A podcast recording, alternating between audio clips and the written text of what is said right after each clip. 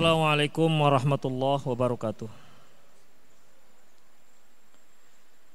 Innal hamdalillah nahmaduhu wa nasta'inuhu wa nastaghfiruh wa na'udzu billahi min shururi anfusina wa sayyiati a'malina may yahdihillah fahuwal muhtad wa may yudlil falan tajida lahu waliyan mursyida Asyhadu an la ilaha illallah wahdahu la syarika lah وأشهد أن محمدا عبده ورسوله الذي لا نبي بعده. وقال الله سبحانه وتعالى يا أيها الذين آمنوا اتقوا الله حق تقاته ولا تموتن إلا وأنتم مسلمون. يا أيها الذين آمنوا اتقوا الله وقولوا قولا سديدا. يصلح لكم أعمالكم ويغفر لكم ذنوبكم ومن يطع الله ورسوله فقد فاز فوزا عظيما يا أيها الناس اتقوا ربكم الذي خلقكم من نفس واحدة وخلق منها زوجها وبث منهما رجالا كثيرا ونساء واتقوا الله الذي تساءلون به والأرحام إن الله كان عليكم رقيبا أما بعد نستقى الحديث كتاب الله وخير الهدي هدي محمد صلى الله عليه وسلم وشر الأمور محدثاتها وكل محدثة بدعة وكل بدعة ضلالة وكل ضلالة في النار إخوتي في الدين رحمني الله وإياكم Kita lanjutkan kajian kita tentang kitab Adabul Mufrad Qala Amirul Mukminin fil Hadis Berkata Amir Mukminin fil Hadis Abu Abdullah Muhammad bin Ismail Al-Bukhari rahimahullah Babun man da'a li sahibihi an akfir malahu wa waladahu. Bab siapa barang siapa yang mendoakan temannya. Semoga Allah memperbanyak harta dan anak-anaknya. Di sini Imam Al-Bukhari mencantumkan bab ini. Tujuannya yaitu menetapkan kebolehan bagi seseorang untuk mendoakan orang lain di mana isi doanya adalah semoga Allah memperbanyak harta dan anaknya. Semoga Allah memperbanyak harta dan anaknya. Bahkan ikhatifiddin dalam hadis yang dalam hadis sahih Bukhari Imam Al-Bukhari mencantumkan bab babun da'watun Nabi sallallahu alaihi wasallam li khadimatin. Bab Nabi mendoakan pembantunya yatulu umruhu di, agar agar uh, usianya dipanjangkan wabikasrati malihi dan agar hartanya dibanyakkan. Ini menandakan ikhwafiddin bolehnya kita mendoakan bolehnya kita mendoakan seseorang agar banyak harta dan anaknya. Namun ikhwafiddin perlu kita ketahui yang terpenting itu bukan banyak harta dan bunyikan banyak anak tetapi adalah keberkahan harta dan keberkahan anak. Oleh karena itu di akhir hadis ini Rasulullah sallallahu alaihi wasallam mendoakan Anas bin Malik, Allahumma akthir malahu wa waladahu wa barik lahu. Ya Allah, banyakkan anak dan hartanya dan berkahi dia. Jadi keberkahan yang kita cantumkan dalam doa itu lebih utama. Ketika kita mendoakan teman kita semoga Allah memanjangkan usianya. Tentunya yang kita harapkan keberkahan. Yang kita harapkan adalah keberkahan. Allah Subhanahu wa taala memanjangkan uh, usianya dan memberkahinya sehingga panjangnya usia mendekatkan dia kepada Allah Subhanahu wa taala. Semakin membuat dia menjadi orang yang taat kepada Allah Subhanahu wa taala. Bukan sekedar panjang usia. Karena seorang seorang anak Adam kalaupun terlalu dipanjangkan usianya, dia akan merasa tersisa dengan usia tersebut. Karena bagaimanapun jasad kita ini akan lama kelamaan akan lemah dan itu akan menyusahkan bagi si pemiliknya. Kakinya, tangannya, matanya, lisannya, telinganya itu semua akan berubah menjadi lebih lemah dibandingkan sebelumnya. Oleh karena itu, kalau sekedar panjang usia, maka itu bahkan akan menyiksa Berapa banyak kita dengar dari mulut seorang kakek-kakek, nenek-nenek yang dia minta agar meninggal dikarenakan sudah terlalu panjang usianya. Jadi jasad kita ini Khofiddin yang terbuat dari tanah itu mau tidak mau cepat atau lambat tetap dia akan minta dikembalikan ke tanah. Minha khalaqnakum wa minha nu'idukum uh, minha khalaqnakum wa fiha nu'idukum wa minha nukhrijukum taratan ukhra. Dari tanah engkau kami ciptakan, ke tanah tempat kalian kembali dan dari tanah kalian akan kami bangkitkan. Itulah sejarah singkat jasadnya manusia. Oleh karena itu, sekedar mendoakan agar usianya dipanjangkan itu tidak ada faedahnya. Yang ada faedahnya yaitu dipanjangkan usianya dan diberkahi. Sekedar doa agar hartanya dilimpahkan oleh Allah juga tidak ada fungsinya. Yang ada fungsinya adalah apabila didoakan keberkahan. Banyak hartanya dan berkah.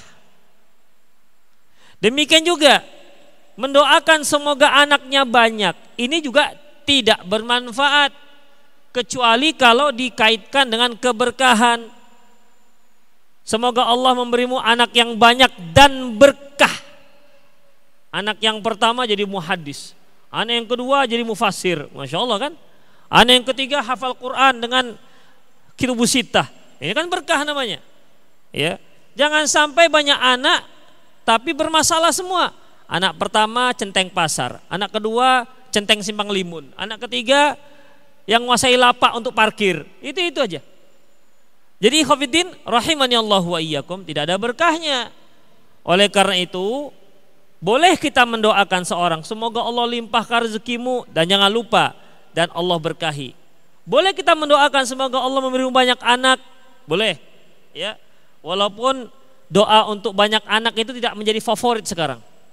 Kalau dahulu ya banyak anak itu sebuah kebanggaan. Makanya dalam soal kahfi disebutkan Allah oleh Allah kisah dua orang sahabat yang satu mengatakan membanggakan dirinya di hadapan temannya, anak aktsaru minka malau wa waladah. Aku orang yang banyak harta dan anak. Jadi semakin banyak anaknya, semakin kuat dia.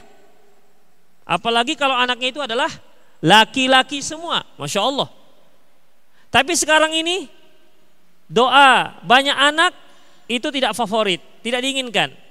Makanya kalau ada pasangan kita doakan semoga bapak punya anak 20. Nah, itu nggak akan diaminkan kan dia. Tapi semoga bapak punya rumah 20, itu pasti diaminkan. Itu dia. Ya, punya kendaraan 20 itu diaminkan. Tapi kalau anak 20 terbayang dia bagaimana repotnya. Demikian.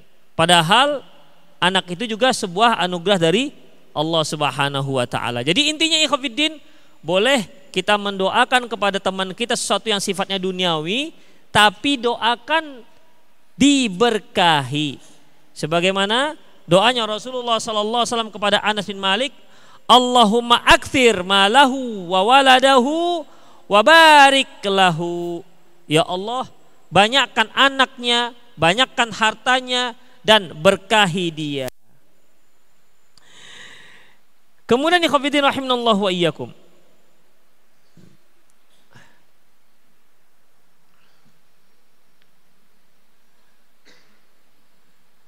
Dari Anas bin Malik, Kala dia berkata, Anas bin Malik, dia berkata, Dakhaltu ala Nabi sallallahu alaihi wasallam yauman. Suatu hari kami berkunjung kepada Nabi sallallahu alaihi wasallam. Wa ma huwa illa ana wa ummi wa um wa ma huwa illa ana wa ummi wa ummu haram khalati di mana aku itu bersama ibuku dan ummu haram bibiku ibunya Anas bin Malik adalah uh, Ummu Sulaim ya Ummu Sulaim Taib Anas bin Malik ibunya Ummu Sulaim Ummu Sulaim ini dikenal punya kisah yang sangat menakjubkan. Bersama suaminya Abu Tolhah. Di mana waktu itu Abu Tolhah Ummu Sulaim melahirkan seorang anak bayi dari Abu Tolhah dan si kecil ini pun sakit. Abu Toha sangat gusar dengan sakitnya si anak. Karena dia sangat sayang dengan anaknya ini. Setiap kali dia datang ke rumah yang pertama dia tanyakan bagaimana dengan si kecil. Hingga suatu hari, hingga suatu hari Ummu Sulaim ketika ditanya,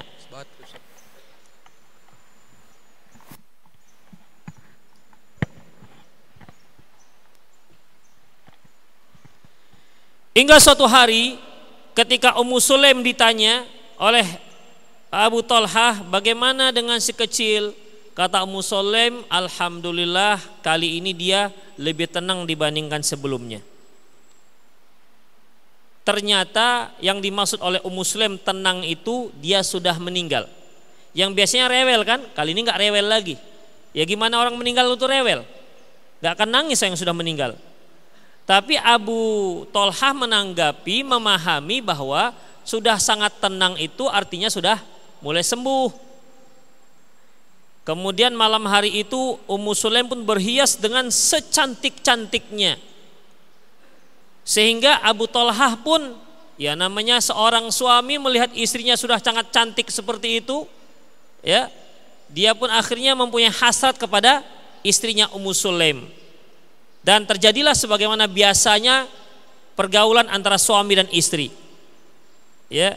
Dan ini tidak dibolehkan pergaulan ini pada yang masih jomblo. Nggak dibolehkan. Bagi yang sudah punya istri itu merupakan ibadah dan berpahala. Setelah selesai, Ummu Sulaim ini berkata, bertanya kepada Abu Talha, wahai Abu Talha, menurut anda itu bagaimana jika ada seorang meminjamkan satu barang, lantas kaum tersebut meminta kembali barang yang dipinjamkan. Kira-kira boleh nggak orang yang meminjam tadi menahan barangnya? Jawabannya tentunya Ya tidak kan? Satu kaum meminjamkan satu barang, lantas dia meminta agar barang tersebut dikembalikan. Yang bagi yang meminjam tentunya tidak layak bagi dia untuk menahan barangnya, dipulangkan dong, bukan punya dia. Udah, begitu. Iya begitu kata Abu Abu Tolha. Kata Ummu Sulaim, ya Abu Tolha bersabarlah sesungguhnya Allah telah mengambil miliknya yaitu anakmu yang kecil meninggal. Abu Talha kan nggak bisa marah-marah lagi. Karena kalau marah-marah dia sudah dikunci oleh muslim loh. Ini kan bukan punya kita. Ini punya Allah. Allah mengambilnya kembali. Makanya ketika ada yang meninggal kita menyebutkan inna lillahi wa inna ilaihi raji'un. Apa artinya? Sungguhnya milik Allah dan sungguhnya kepada Allah kita akan kembali kita milik Allah kalau Allah ambil ya sudah tidak ada seorang pun yang sanggup untuk menahanannya Abu Talha itu mau marah tapi tidak bisa sudah dikunci oleh Ummu Sulaim. Itu pintarnya Ummu Sulaim. Makanya para akhwat baik yang sudah punya suami maupun yang belum punya suami ketika ada satu hal coba kasih mukaddimah yang dengan mukaddimah tersebut para suami tidak bisa marah-marah, tidak bisa uring-uringan. Ya, tapi tentunya perkara tersebut perkara yang benar seperti tadi. Ya, seperti tadi. Ya, kalau orang yang sudah meninggal tentunya akan di itu namanya Allah yang mengambil. Tapi kalau anti yang mencuri duit suami jangan pakai mukaddimah. Ya, Bang, seandainya ada orang yang mencuri duit abang, gimana? Eh, aku pukuli kata begitu. Eh, aku pukuli, aku gibal kata begitu. Gak ada mukaddimahnya kalau seperti itu, ya. Ya. Misalnya ini, kalau akhwat mau pergi ngaji, kira-kira suaminya nanti ngizinkan nggak ya? Kasih mukaddimah. Bang, menurut abang kalau kita menuntut agama, mempelajari agama Islam itu gimana bang? Uh, kan begitu. Gak kan nggak mungkin dia katakan, oh nggak boleh kan mungkin, ya kan? Oh memang kita seorang hamba Allah yang taat harus belajar. Nah, kasihlah mukaddimahnya, baru kemudian boleh awak ngaji bang. begitu ikhafidin. Itu namanya mukaddimah namanya. Ya. Jadi dalam masalah ini ikhafidin rahimanallah wa iyyakum begitulah Ummu Sulaim. Abu Talha mau marah tapi tidak bisa. Tapi dia lapor kepada Rasulullah. Dia lapor kepada Rasulullah sallallahu alaihi wasallam dengan perbuatan Ummu Sulaim. Bagaimana tidak Khafidin? Mereka melakukan hubungan, mereka bercinta sementara di sebelahnya anaknya sudah meninggal. Ya. Kan jarang-jarang itu terjadi Khafidin. Kalau seandainya Abu Tolha tahu anak yang meninggal di sebelahnya, mau dia bercinta dengan Ummu Sulaim? Tentu nggak sanggup. Kesedihan akan merundung hatinya. Tapi begitulah hebatnya Ummu Sulaim. Ya. Begitulah hebatnya Ummu Sulaim. Dilaporlah kepada Rasulullah. Kata Rasulullah, Barakallahu lakuma fi lailatukuma. Allah memberkati kalian berdua dan malam kalian berdua. Dari hubungan itu Ikhafiddin ternyata lahir anak. Ummu Sulaim hamil dan lahir sebagai pengganti yang meninggal. Dia adalah Abu Umair. Dia adalah Abu Umair. Taib. Ummu Sulaim tadi siapa namanya? Uh, suaminya? Abu Tolhah.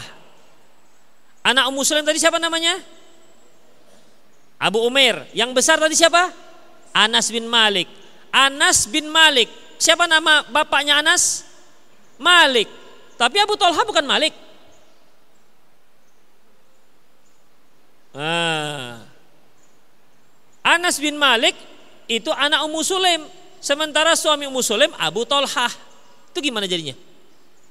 Ikhafiddin Ummu Sulaim nikah dua kali. Nikah yang pertama dia ketika dia sebelum hijrah, sebelum masuk Islam, dia menikah dengan seorang laki-laki yang bernama Malik. Dan lahirlah dari pernikahan itu Anas. Makanya Anas bin Malik Makanya kan bukan Anas bin Malik, Anas bin Malik radhiyallahu anhu atau radhiyallahu anhuma. Hah? Setahu antum? Pernah dengar Anas bin Malik radhiyallahu anhuma? Tahu bedanya antara radhiyallahu anhuma dengan radhiyallahu anhu? Kalau radhiyallahu anhuma berarti dia dan ayahnya sahabat. Seperti Abdullah ibnu Abbas radhiyallahu anhuma. Karena Abdullah sahabat, ayahnya Abbas yaitu pamannya Rasulullah juga sahabat. Makanya radhiyallahu anhu Abdullah bin Umar. Abdullahnya sahabat, ayahnya Umar sahabat. Tetapi Umar bin Khattab radhiyallahu anhu kenapa? Karena si Khattab bukan muslim dan gak sahabat. Anas bin Malik, Maliknya itu tidak sahabat. Makanya radhiyallahu anhu. Taib. Jadi ketika uh, ketika Ummu Sulaim masuk Islam, marah Maliknya. Siapa Malik tadi? Suami Ummu Sulaim. Marah besar dan dia mengancam Ummu Sulaim. Nanti kalau saya pulang dari Syam, ya, pulang dari Syam, pokoknya hawas. Jangan sampai aku temukan kau dalam keadaan muslim. Ternyata pulang dari negeri Syam kan biasanya orang Mekah itu kan kerjaannya dua saja. Apa di antaranya? Profesi orang Mekah. Pedagang, satu lagi pekebun. Ya, antum jangan anggu-anggu aja mau di mana mau berkebun di Mekah. Batu semua. Hah? Berdagang, peternak, iya, pengembala, pekebun nggak ada di sana, ya, karena nggak bisa tumbuh di sana. E, tempat apa namanya daerahnya tandus nggak bisa tumbuh. Kalau Madinah ada, ya bisa. Taib. Jadi Khofiddin termasuk Malik. Malik juga dia pedagang. Ya sama seperti Rasulullah, sama seperti kakeknya Rasul Abdul Muthalib, sama dengan buyutnya Rasulullah itu Hashim yang meninggal negeri Syam di saat berdagang. Jadi Khofiddin ketika pulang dari negeri Syam, Malik ini terbunuh. Terbunuh di perjalanan, mungkin dikarenakan perampokan. Itulah yang terjadi. Maka terhindarlah Ummu Sulaim dari ancaman suaminya. Berhijrahlah dia Ummu Sulaim dan Anas bin Malik dan menikahlah dengan Abu Tolhah. Itu dia. Kalau dahulu Ikhafiddin seorang sahabi ya ketika meninggal suaminya atau dicerai oleh suaminya itu langsung ada yang menyambut. Jadi laris. Ya, laris. Pokoknya kalau ada yang e, bercerai dengan suaminya atau ada yang meninggal suaminya, langsung ada yang melamar setelah selesai iddah. Baik untuk yang kedua, ketiga ataupun yang keempat. Nah, kita permasalahan kita di sini dikarenakan semuanya kan muahidin. Hanya satu. Nah, gitu. Jadi tidak bisa menyelamatkan yang lain-lainnya. Gitu. Dan antum jangan tanya saya, jangan tengok saya begitu. antum pandangan antum seperti bertanya-tanya. Enggak, jangan tanya-tanya yang lain. Itu aja udah. Titik. Jadi khatifidin rahimani Allah wa iyyakum. Itulah Ummu Sulaim. Ummu Sulaim ini namanya Ikhafiddin. Ummu Sulaim binti binti Malhan. Binti Malhan al-Mah al-Khazrajiyah. Khazrajiyah. Jadi kata Imam uh, kata Anas bin Malik, saya dan ibu saya, siapa tadi? Ummu Sulaim binti Malhan dan bibi saya Ummu Haram. Ummu Haram ini juga binti Malhan. Berarti kakaknya Ummu Sulaim. Ya, Ummu Ummu Haram ini kakaknya Ummu Sulaim. Taib. Iddakhala alaina faqala lana. Ketika itu masuklah Rasulullah kepada kami dan Rasulullah berkata kepada kami, "Ala usalli bikum?" E, bagaimana kalau kalau saya sholat dengan kalian berjamaah? Oh, berarti sholat berjamaah, sholat fardu Rasulullah di dalam rumah, di dalam rumahnya Anas bin Malik. Enggak, itu ikhafiddin. Wadaka fi ghairi waktu sholat. Bukan di waktu sholat, berarti bukan sholat fardu ini sholat-sholat sunnah mutlak boleh, ya berjamaah juga boleh. Faqala rajulun minal kaum maka datanglah seorang dari satu kaum. Fa'aina ja'ala anasan minhu. Mereka bertanya, lantas di sebelah mana Anas bin Malik mempersilahkan Rasulullah sholat di rumahnya tersebut, di rumah Ummu Sulaim. Faqala di mana posisi Anas bin Malik? Ya, Ketika sholat berjamaah, jamaahnya berapa orang tadi? Hah? Empat. Satu siapa? Anas bin Malik, Ummu Sulaim, Ummu Mihran, satu lagi? Ummu Haram, satu lagi? Berarti nggak ada. Rasulullah berarti cahnya Iya, tiga orang makmumnya, satu imamnya. Taib. Anas bin Malik waktu itu kan masih kecil sekitar usia 10 tahun. Kejadian ini Anas bin Malik waktu itu masih kecil. Jadi ada yang bertanya, di mana posisi Anas bin Malik waktu itu? Apakah di belakang Rasulullah ataukah dia sama dengan ibunya? Karena dianggap dia anak bawang. Dianggap dia masih kecil. Ya. Atau dia di belakang? Atau di, di samping kanan? Atau bagaimana? Faqala dikatakan maka dikatakan dijawab ja'alahu an yaminihi. Beliau meletakkan Anas bin Malik memposisikan Anas bin Malik sebelah kanannya.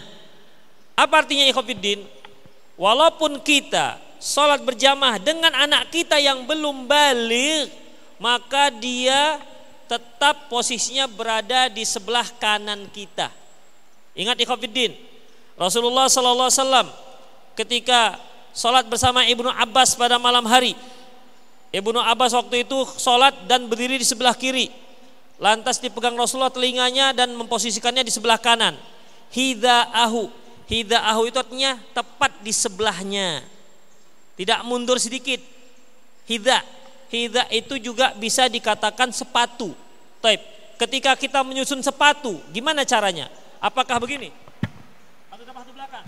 Menyusun sepatu di sepatu?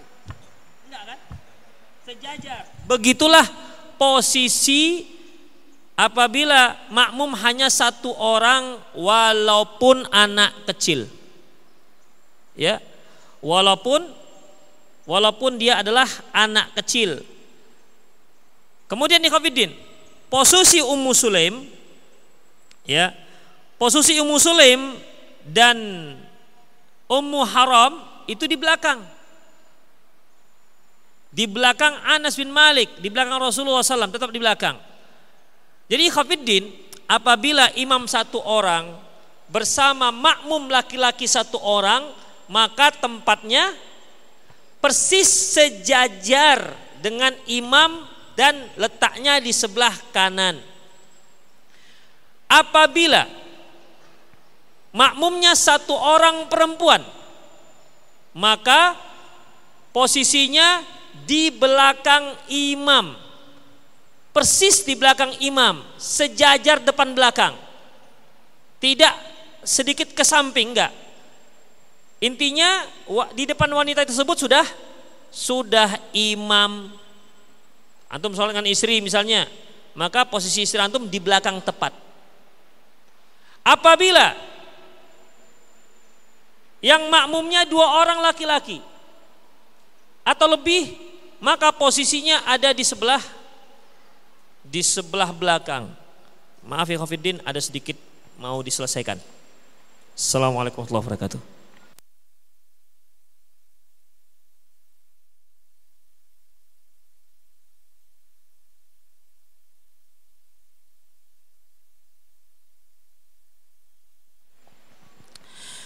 Taib kita lanjutkan. Bismillahi wassalatu wassalamu ala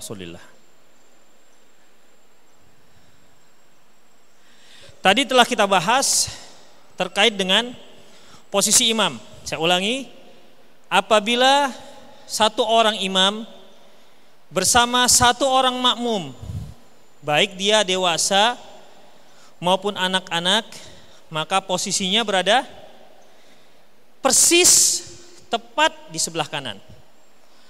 Apabila dua orang laki-laki atau lebih, maka posisinya di belakang imam dua-duanya. Bagaimana kalau kalau saf kedua? Saf kedua disusun sama seperti penyusunan saf pertama.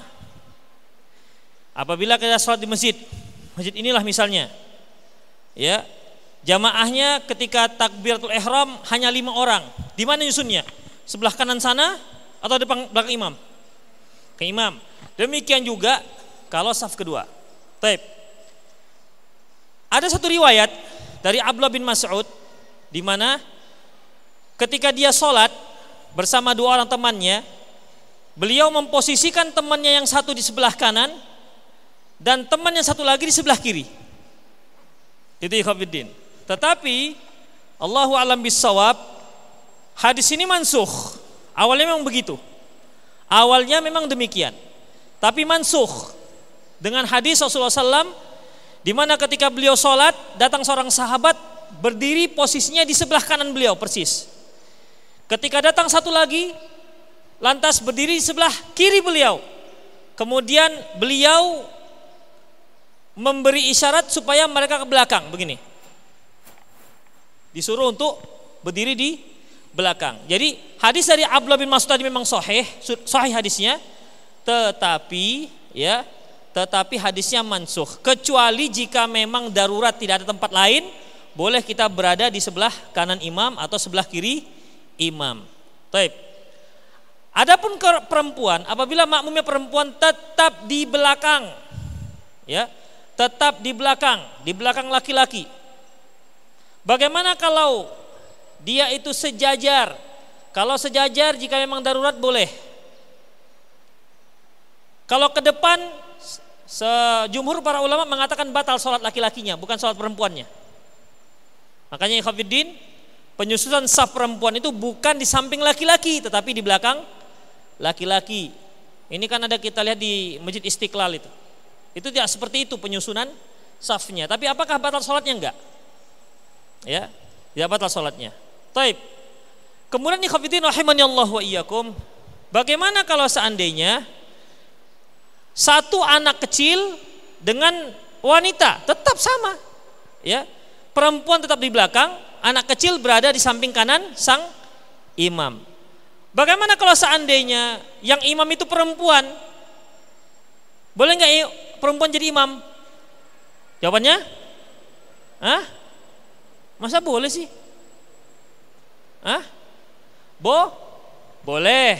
Kalau jamaahnya perempuan. Ya, kalau jamaah perempuan dibolehkan. Tapi kalau jamaah laki-laki, misalnya ada anaknya apa namanya usia 10 tahun yang sudah bisa sholat, maka walaupun mamaknya hafal hafal 30 juz, ya nggak boleh dia jadi imam. Sementara anaknya yang masih 10 tahun atau 7 tahun baru hafal kelolawahat, ina atau ina kalau falak misalnya. Maka anaknya itu yang jadi imam. Jadi nggak bisa si ibu dijewernya kau jadi imam pula kok. Mama sudah 30 juz. enggak. Tetap si ibu jadi jadi makmum. Demikian ikhwatiddin. Demikian juga seorang ayah kalau anaknya lebih lebih banyak hafalannya maka relakanlah keimaman sholat itu dipegang oleh si si anak dengan catatan anaknya harus sudah bisa sholat. Jangan sampai ketika sujud, ketika bangkit nggak ada lagi dia. Lama dia sekitar sujud. Masya Allah anakku Masya Allah. Sujudnya lama sekali. Padahal entah ke mana dia sudah. Sudah pergi. Jadi kalau si anak sudah bisa sholat. Demikian ikhafidin. Kalau perempuan, jamaahnya juga perempuan. Imamnya perempuan, jamaah perempuan. Maka posisinya berada di tengah-tengah saf. Kita lanjutkan hadisnya. Summa sallabina kemudian beliau salat mengimami kami. Summa da'alana bikulli khair min khair dunia wal akhirah. Kemudian di, beliau mendoakan untuk kami seluruh kebaikan dunia dan akhirat. Faqalat ummi, ibuku mengatakan, "Ya Rasulullah, khuwaida khuwaidukum khuwaiduka khuwaiduk khuwaidumuka khuwaidumuka." Khuwaidumuka itu ikhafidin bahasa kecil dari khadim. Khadim kalau dikecilkan khuwaidim. Ya, khuwaidimu Anas bin Malik waktu itu masih kecil. Jadi sebagai apa namanya? Kalau bahasa Indonesianya itu bahasa imut-imutnya lah gitu. Ya. Terima kasih, makaci, nah gitu gitu. Itu bahasa imutnya. Eh, kamu mau ke mana? Bahasa imutnya gimana? Au mana? Nah gitu gitulah kira-kira. bahasa imut-imutnya. Jadi kalau apa namanya bahasa Arab dikecilkan dia ya dikecilkan. Jadi kalau kalau dia Ali gitu maka dipakai ulai. Itu dikecilkan ya. Budi budai gitu kira-kira lebih kurang begitulah ikhwatiddin itu bahasa bahasa apa? Bahasa imutnya lah kita katakan. Ya Rasulullah ini pembantu kecilmu. Allah ali jadi waktu itu Rasulullah uh, Anas bin Malik usia 10 tahun itu sudah menjadi pembantu Rasulullah. Pokoknya apa saja yang Rasulullah dia. Dan memang Ummu Sulaim mewakafkan Anas bin Malik untuk menjadi pembantu Rasulullah sallallahu alaihi wasallam. Kemudian Udu Allah lahu ya Allah ya, ya Rasulullah doakanlah si Anas ini pada Ali bi kulli khair. Lantas Rasulullah mendoakanku dengan semua kebaikan. Karena fi akhir doaihi di akhir doanya adalah Allahumma akthir malahu wa waladahu wa barik lahu fi. Ya Allah, perbanyaklah hartanya, anaknya dan berkahilah dia.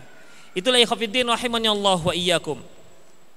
Jadi di sini ya disyariatkan bagi kita juga bahwasanya boleh kita mendoakan eh, anak-anak. Uh, Dan ikhwatiddin kalau kita lihat dari beberapa riwayat hasil daripada doa Rasulullah SAW berkata Anas, akhbaratni ibnati seorang putriku mengabarkan kepadaku anni qad ruziktu min sulbi bahwasanya aku diberi rezeki anak da, anak kandungku yaitu bid'u wa tis'in lebih daripada 90 orang anak. Jadi Anas bin Malik anaknya lebih 90 orang. Dari berapa ibu itu ya? Allahu alam. Kan paling banyak empat.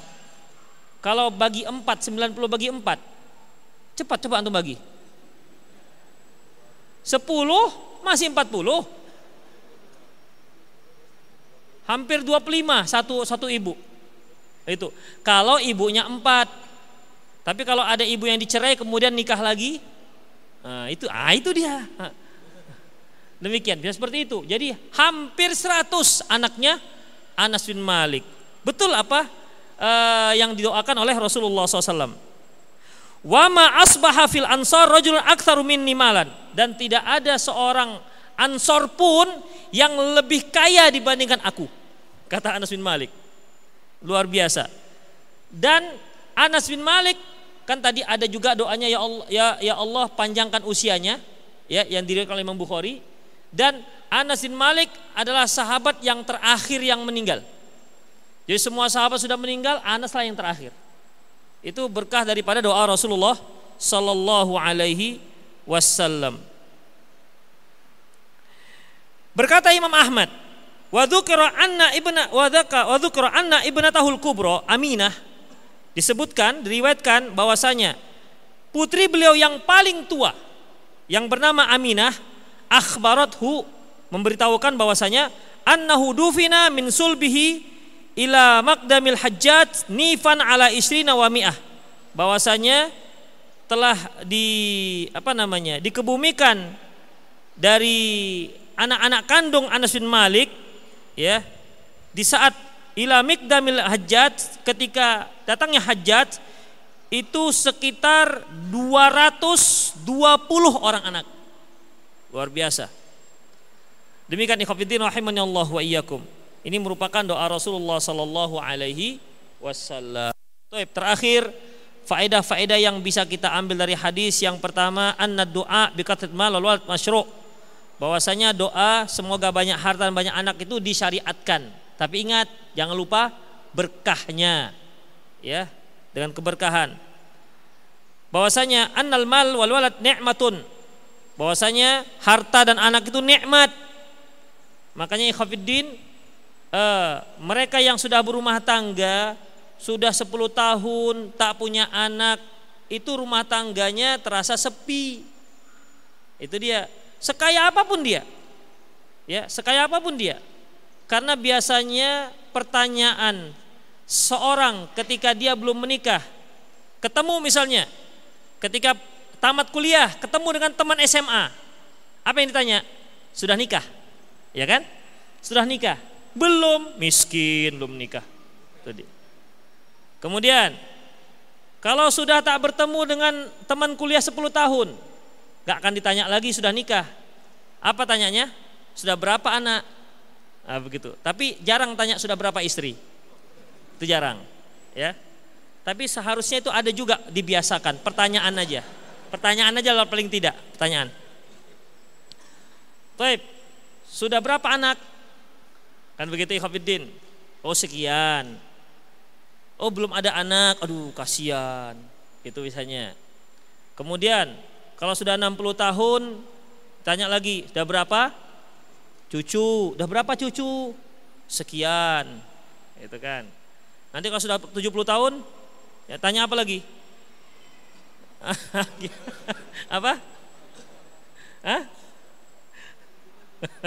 Berapa lama lagi hidup gitu? Ah antum. nah itulah ikhafidin rahimanallahu wa iyyakum. Baik. Kemudian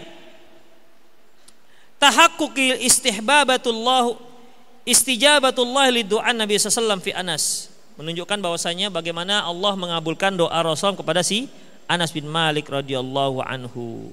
Kemudian juga di sini disebutkan beberapa kaidah-kaidah terkait dengan masalah posisi imam dan makmum ya seperti yang telah kita jelaskan tadi.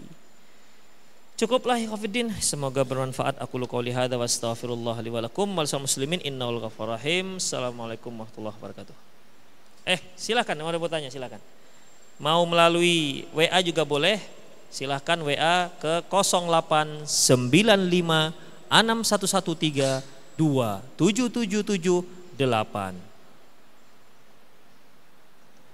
Ana 0895 6113 dua tujuh tujuh tujuh delapan. Tujuhnya tiga kali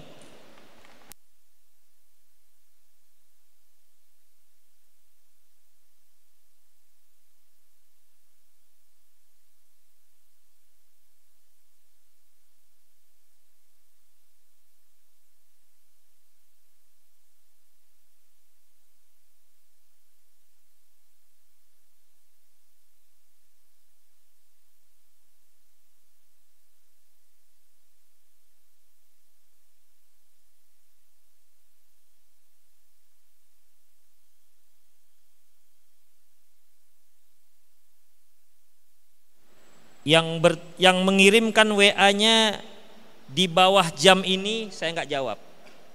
Karena pertanyaan dibuka jam 5 jam 17.35. Sebelum itu kita anggap tidak sah.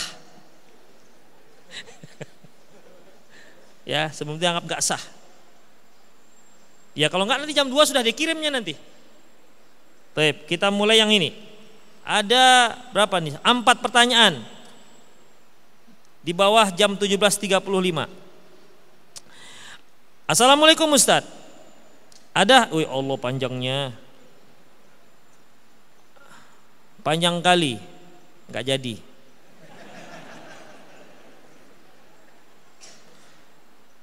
Ustadz bagaimana seharusnya ketika walimatul urus sesuai dengan sunnah dikarenakan permintaan orang tua Ya ini sudah sering saya singgung ikhafiddin Kalau seperti itu yang terjadi Intinya kalaupun idza lam yudrikul kulluh lam yatruk idza lam yudrikul julluh lam yatruk kulluh. Apabila nggak dapat semua, jangan tinggalkan semua. Jadi misalnya orang tua antum minta pokoknya sudah keyboard. Kalau nggak mendingan kalian nggak usah nikah. Pulang aja semua. Begitu. Jadi antum merasa terancam kan, sementara udah cocok dengan akhwatnya.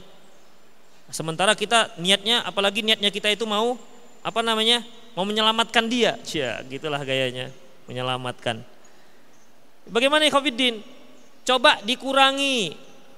Kalau keyboardnya keyboardnya keyboard yang yang yang pakai-pakai jilbab itu gimana, Mak? Gitulah kira-kira. Nego lah, Khofiddin, dipersedikit Oke lah mak keyboardnya tapi nggak ada nggak ada campur kalau tamunya dipisah gimana mak begitu. Pokoknya antum berupaya gimana semaksimal mungkin.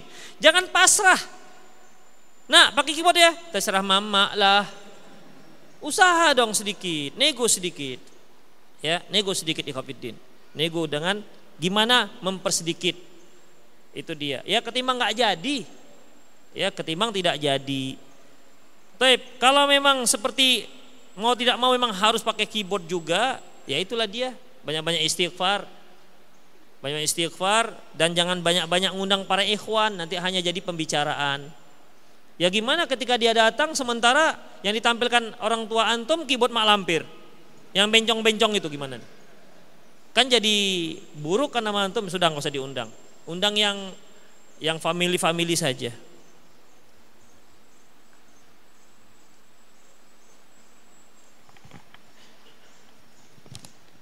Ustadz, Afwan Ustadz, pertanyaannya beda.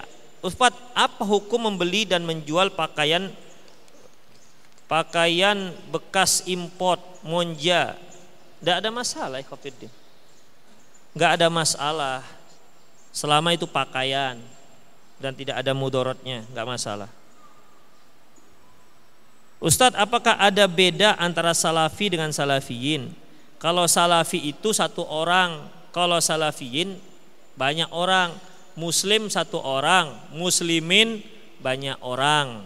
Itu dia. Kalau muslimatin satu orang, kalau banyak muslimatin gitu. Enggak, muslimatin. Nah, mukminun satu orang, mukminun banyak orang, mukminin banyak orang. Itu aja, nggak, nggak susah bahasa Arab, ya kan? Tambahkan aja. Apa? Munafik satu orang. Jamaknya? Hah, udah kan udah bisa bahasa Arab antum. Bagaimana jika istri adalah anak tunggal? Apakah suami wajib menafkahi mertua? Ikhafiddin. Suami tidak berkewajiban menafkahi mertua seperti dia berkewajiban menafkahi orang tua kandung. Itu dia. Mertua posisinya tidak sama dengan orang tua kandung. Bahkan orang tua angkat atau orang tua tiri posisinya berbeda dengan orang tua kandung.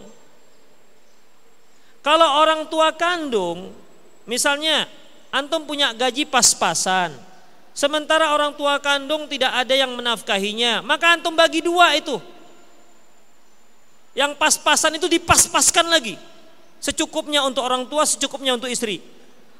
Misalnya ini, antum punya gaji 10 juta, udah 7, 7 juta untuk istri, 5 juta untuk orang tua. Kan gampang baginya. Pas semua itu insya Allah. Tanya istri antum, kok tanya.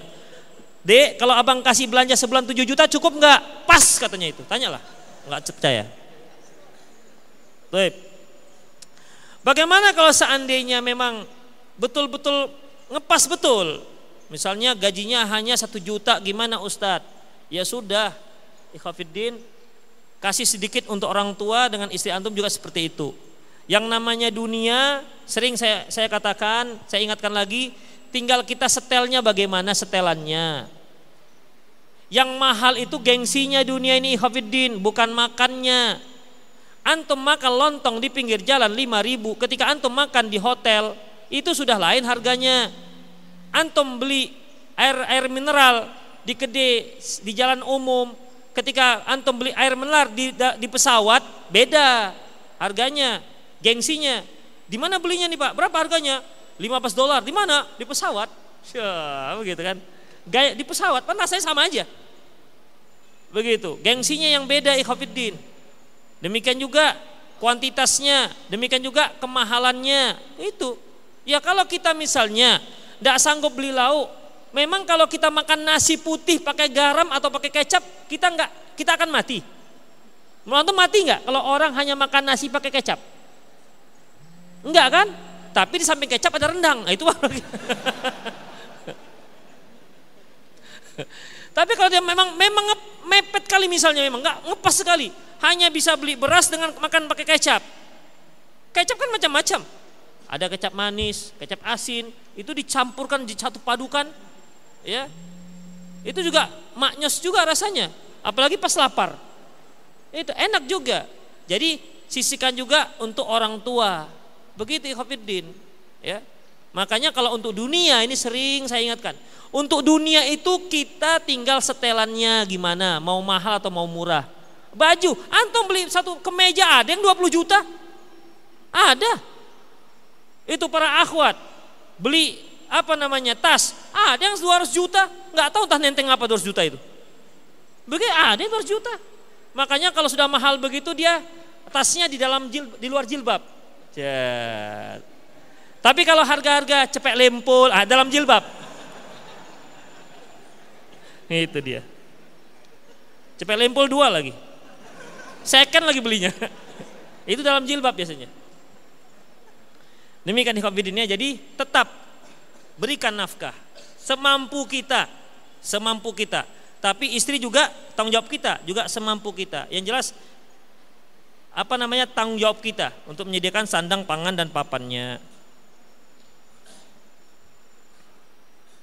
Ustadz jika para sahabat sudah dari subuh ke masjid lalu kapan mereka membuat istrinya mandi saat ini pertanyaan kapan ini Iya memang Ikhafiddin Abu Syamah mengatakan bahwasanya kalau hari Jumat para sahabat itu pergi ke sholat Jumat yaitu sejak subuh. Dari subuh mereka pergi subuh dan tidak balik lagi pulang. Langsung ke sholat Jumat itu kata Abu Syamah. Tapi kan ada dikatakan dalam sebuah hadis man ghassala yaumal jum'ati wa ghtasala wa bakkara wa betakara summa danal wa masya wa lam yarkub wa masya walam yarkub. Wa wayan wa wastama'a walam yalgha. Barang siapa yang mandi dan memandikan istrinya dan mempercepat datangnya ke masjid kemudian berjalan tidak berkendaraan dia mendengar imam khatib dan tidak buat sia-sia maka setiap kali langkah yang dia langkahkan sama pahalanya seperti setahun puasa dan setahun tahajud. Suatu langkah Dua langkah berarti dua tahun. Tiga langkah berarti tiga tahun. Jadi satu langkah itu dapat pahala satu tahun tahajud dan satu tahun puasa sunnah. Itu dia. Taib. Di situ dikatakan man ghassala yaumal jumati wa ghtasala. Ightasala itu ikhafiddin fi'il muta'addi. Apa fi'il lazim? Artinya yang kata kerja terkait dengan kita sendiri. Misalnya saya pergi. Itu kan terkait dengan sendiri ada fiil mutaaddi yang membutuhkan objek. Saya makan, makan apa? Ada objek. Saya memukul, mukul apa? Itu namanya objek. Ya, membutuhkan objek itu mutaaddi. Taib. Mandi kita salah, artinya kita mandi. Wa ghassala, ghassala membuat orang menjadi mandi atau memandikan. Sebagian ulama mengartikan bahwasanya membuat istri menjadi mandi.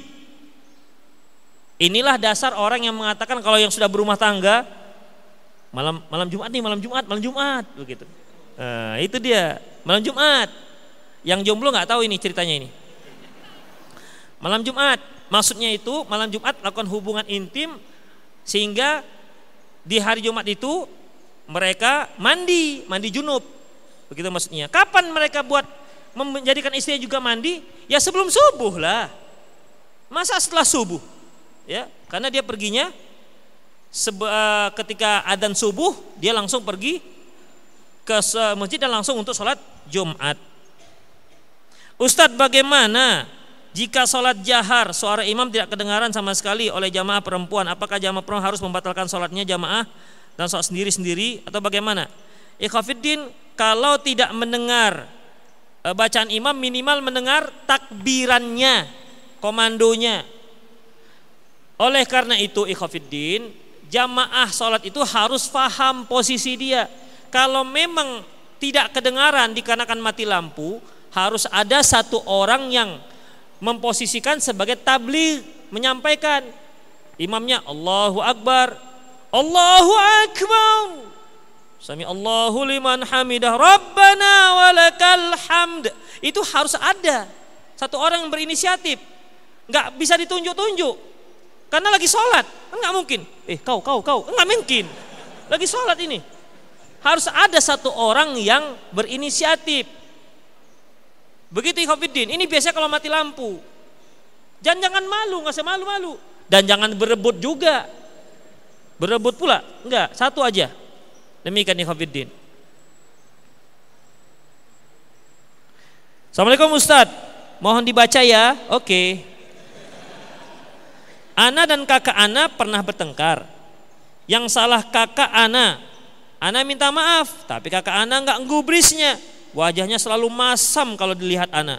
Jadi Ana memilih berbicara sama dia ketika perlu saja. Soalnya Ana takut nggak bisa tahan emosi. Apakah berdosa Ustadz karena tidak akrab lagi dengan kakak kandung Ana? Kan sudah kita pelajari mengenai yang dikatakan silaturahmi itu kapan? Kapan kita dikatakan silaturahmi? Menyambung silaturahmi kapan? Ketika kita diputus. Kamu menyambung sesuatu yang memang sudah diputus. Itu makanya dikatakan menyambung. Taip, antum punya tali. Tali, talinya tali tersambung. Dua utas tali sudah tersambung. Apakah menyambung tali namanya? Enggak. Yang dikatakan nyambung kalau dia terputus antum yang sambung. Makanya seperti ini kan si kakaknya kan mau memutusnya. Antum sambung aja, biarin aja. Mau dia sewot, mau dia masam, mau dia asin, anyir, nano-nano terserah. Yang penting kita yang kita yang bagus dengan dia. Biarkan saja. Telepon, apa kabar kak? Hm, katanya, udah biarkan aja. Itu. Kali-kali jangan jangan sekedar sapa, kali-kali bawa buah begitu. Enggak mempan juga. Bawa duit. Dari jauh kan udah kipas-kipas kita sejuta. Assalamualaikum kak. Cie.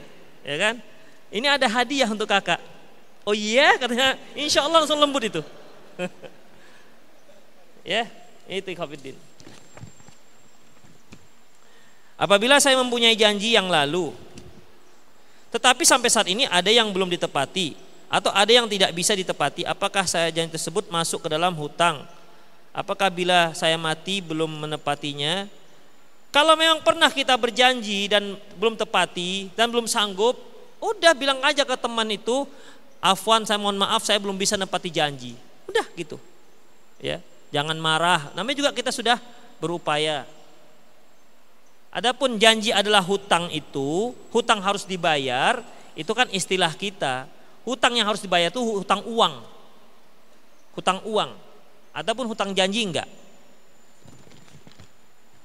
Ustadz, nasihati kami supaya imannya naik terus, tidak mudah tergoda ikhwan modus. Nah, ini. Siapa ikhwannya? Akhwat tolong di SMS ke saya, WA. Siapa nama ikhwannya ya?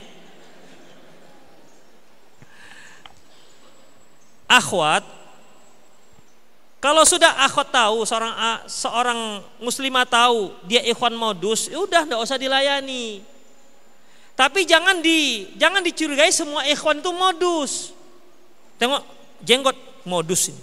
Jenggot modus. Akhirnya dicurigai semua. Insya Allah kita tuh orang baik-baik ya kan, ya kan, ya kan, ya kan, ya kan. Baik-baik, Hafidin. Demikian, satu-satu itu yang modus-modus itu. Makanya kalau sudah modus ya dia saja, jangan yang lain di, dianggap modus semua.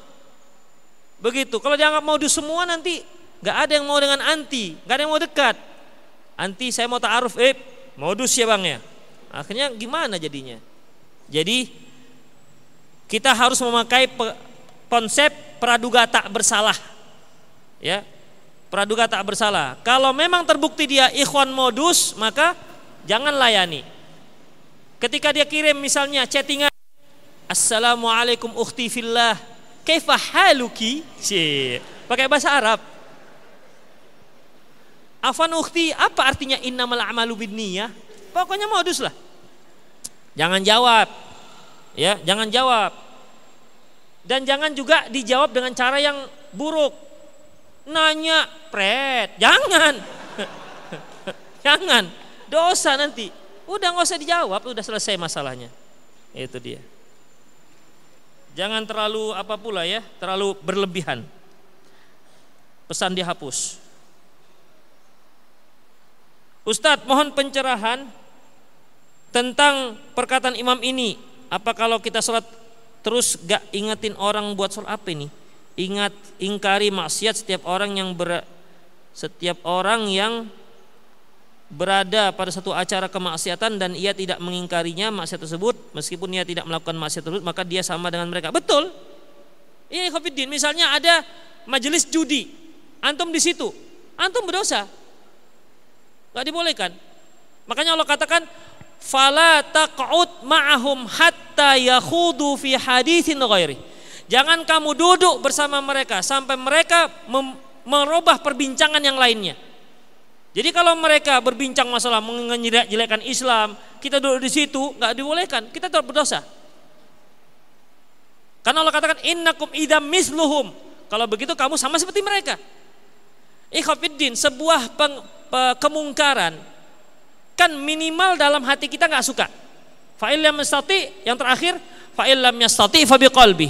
Kalau nggak sanggup dengan hati, ciri-ciri orang nggak suka dengan hatinya adalah dia tidak berada di situ. Buktinya ya Khafiddin. Apa namanya? Angin, kentut. Apa ada orang suka dengan kentut? Semua orang nggak suka. Taib. Ada orang di situ kentut. Antum marah, tapi tapi di situ. Siapa ya? Siapa ya? Masih tarik nafas. Berarti dia suka. Itu dia Khafiddin. Ya, kalau dia nggak suka, pasti dia pergi. Demikian juga misalnya, kalau seorang nggak suka judi, Sementara di depannya ada judi. Tak akan mungkin dia bisa betah duduk di situ. Pasti dia akan pergi dari majelis tersebut. Ada orang main catur, dah, atau main dam, main judi, dia di situ. Eh malah ngasih ngasih ide, eh balak tiga, balak tiga keluar, balak tiga, balak tiga. Malah ngasih ide, kudanya, kudanya mainkan, kuda, kudanya. Itu kan berarti dia cocok, walaupun dia nggak ikut main, nggak ikut berjudi, tapi dia di situ, memang nggak boleh. Ya. Imma dia ingkari atau dia tinggalkan majelis tersebut. Kalau enggak dia berdosa. Sama seperti mereka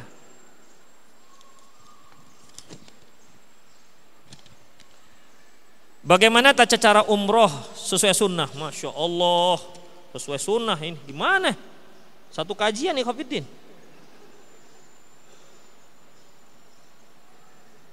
Apa hukum jual beli online? Boleh. Asalkan syarat dan ketentuan berlaku. Apa gimana caranya? Pertama, yang jualan punya dia. Barangnya itu punya dia atau dia sebagai distributor. Bukan hanya sekedar apa namanya di pergi dia ke pasar, di potretnya barang-barang, dicantumkannya di di pasar online dia, nggak boleh. Dia sebagai distributor. Udah. Sudah punya dia atau dia sebagai distributor tinggal antara penjual membeli. Tapi ketika si pembeli ada dua. Si pembeli bayar uang kontan kemudian apa namanya barangnya dikirim atau barangnya dikirim baru si pembeli memba, mem, transfer uang kontan. Adapun kalau DP kasih DP kemudian barang di kemudian barangnya baru kemudian dikirim nggak boleh Kenapa? Itu bai'uddain biddain. Jual beli hutang dengan hutang. Si pembeli memberi DP, harga misalnya 100 ribu, dia bayar 50 ribu dulu, kan hutang nggak? Hutang. Kemudian barang kan belum dikirim, hutang nggak dia si penjual? Berarti hutangan hutang. Makanya imma bayar kontan, kemudian baru kemudian dibayar dikirim barangnya, atau barang dikirim dulu, kemudian baru dibayar kontan. Jadi asalkan syarat dan ketentuan berlaku. Jam berapa? Sedikit lagi. Apakah sholat di mihrab itu bid'ah? Soalnya teman Anas salaf mengatakan bid'ah. Memang ada sebagian ulama ada yang mengatakan bid'ah, sebagian lagi enggak. Sebagian lagi mengatakan ikhwafiddin eh, mihrab itu hanya terkait dengan masalah jenis ataupun bentuk masjid. Sekarang saya tanya, Adakah ketentuan bentuk masjid harus segi empat, segi lima, atau bulat, lonjong, telur? Ada? Enggak ada. Enggak ada kan? Jadi masjid itu terserah mau bagaimanapun, mau bagaimanapun bentuknya. Silakan. Selama sap pertama itu dibuat panjang. Jangan dibuat macam limas begini. Sehingga sap pertama lima, saf kedua 10, saf ketiga 20 begitu. Padahal yang terpenting adalah saf yang pertama. Itu Khofiddin. Ini ini bala ini terjadi gara-gara kiblat dimereng-merengkan, tidak sesuai dengan bangunan masjid. Akhirnya saf pertama cuma tiga orang. Saf kedua baru 20 orang. Begitu Khofiddin. Ya. Jadi yang kedua, kalau seorang membangun masjid mengatakan harus pakai mihrab. Kalau enggak ini enggak masjid. Itu jatuh bid'ah. Mengapa demikian? Karena dia telah memasukkan mihrab dalam lingkaran syariat. Ya.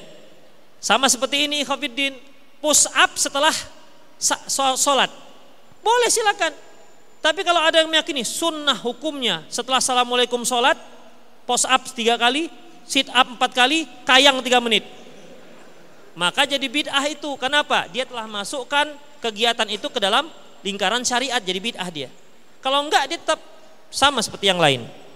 Ustadz kalau saat menghafal terdapat ayat sajadah haruskah kita terus sujud tilawah? Ya dianjurkan tapi tidak wajib. Umar bin Khattab pernah membaca ayat yang ada sujud tilawahnya dia sujud. Surat An-Nahl kalau nggak salah. Jumat berikutnya dia baca tapi dia nggak sujud. Jadi boleh baca, boleh tidak. Namun yang terbaik adalah baca supaya apa? Supaya setan dan iblis nangis melihat kita kita sujud. Apa katanya? Wahai mereka disuruh sujud, mereka sujud, mereka surga. Untuk mereka surga. Sementara aku disuruh sujud, aku nggak mau sujud, aku masuk neraka. Biar nangis tuh setan-setannya. Ustadz, bolehkah memakai pertumbuh penumbuh jenggot? Ikhafiddin, nggak ada sunnahnya. Karena Rasulullah mengatakan memelihara jenggot, bukan menyuburkan jenggot. Kalau antum kata Allah, Allah berikan anugerah jenggot tiga lembar, tiga helai, ya sudah. Ikhlaskanlah menerima itu. Ustadz nggak keren Ustadz. Sekarang akhwat sekarang cok, banyaknya apa namanya favoritnya tuh ikon-ikon yang jenggotnya macam macam jenggot Arab gitu Ustadz. Wah itu dia. Jadi gimana? Sudahlah. Ya sabarlah. Tidak usah ditumbuh-tumbuhkan biarkan saja. Karena sunnahnya memelihara jenggot, bukan menyuburkan jenggot. Nanti kalau seandainya betul-betul tumbuh subur sekali, wus begitu, sedada, sedada, sepusat, baru tahu tuh. Udahlah, biarkan saja apa yang ada natural. Ya, karena sunnahnya merapikan kumis dan memelihara jenggot. Suami saya kalau buang air kecil nyiramnya cuma segayung. Bagaimana Ustadz? Jadi maunya seberapa? Setangki air, setangki. Gak masalah segayung asalkan sudah bersih. Saya, saya tanya nih, permasalahannya adalah untuk suami anti ini, di mana dia siramnya? Kalau dia nyiramnya kencingnya di kasur, nggak cukup segayung. Begitu Ikhwafiddin, nggak cukup segayung. Tapi kalau dia siram kencingnya di pinggir sungai, nggak perlu pakai gayung, nggak perlu siram-siram lagi, yang disiram lagi begitu. Nggak perlu, karena setelah harap setelah kencing siramlah, kencing dari kolam renang, diambilnya air disiram di kolam renang, ya kan salah. Demikian. Jadi tergantung ke mana dia siram. Kalau dia dia kencingnya buang air kecilnya di kloset misalnya, apakah dia wajib menyiram? Hah? Wajib? Saya tanya, wajib apa enggak? Di kloset loh. Bagaimana? Enggak wajib. Kenapa enggak ada wajib? Karena memang dia dia menyiramnya di tempatnya. Hanya saja memang bau. Jadi kalau anti punya suami seperti itu, bersabarlah, anti yang nyiram.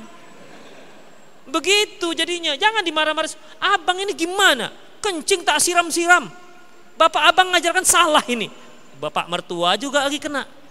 Udah kalau seandainya suami anti begitu, anti masuk, wah yuk kok bau jengkol ini, abang baru makan jengkol ya misalnya. Udah siramkan, anti beros, jadi hilang. Kemudian siramkan fiksal biar lebih lebih semerbak. Enggak juga, pakai pewangi ruangan itu. Nah, begitu ikhafidin. Jadi kemudian baru dididik suami anti, bang cocoknya tuh bang kalau udah buang air kecil tuh disiram bang begitu. Jadi biar nggak bau. Oh iya dek ya. Selama ini abang nggak tahu itu dek misalnya begitu kan. Misalnya ya namanya juga nggak tahu kan. Oh mah terima kasih dek ya. Udah ngasih tahu begitu terakhir ya. Ustadz yang dianjurkan Islam setelah azan berdoa tidak? Setelah azan. Ikhwafiddin Pertama setelah adzan itu doa, doa setelah adzan. Yang kedua doa mutlak, tersilah terserah doa apa saja. Karena Rasulullah katakan eh, di antara mustajabnya doa yaitu antara adzan dan dan qomat. Demikianlah rahimani Allah wa iyyakum semoga bermanfaat. Aku lu qauli hadza wa astaghfirullah li wa lakum wa muslimin innahu rahim. Kita akhiri dengan doa kafatul majlis. Subhanakallahumma wa bihamdik asyhadu an la ilaha illa anta astaghfiruka wa atubu ilaik. Wa akhu da'wana alhamdulillahi alamin. Assalamualaikum warahmatullahi wabarakatuh.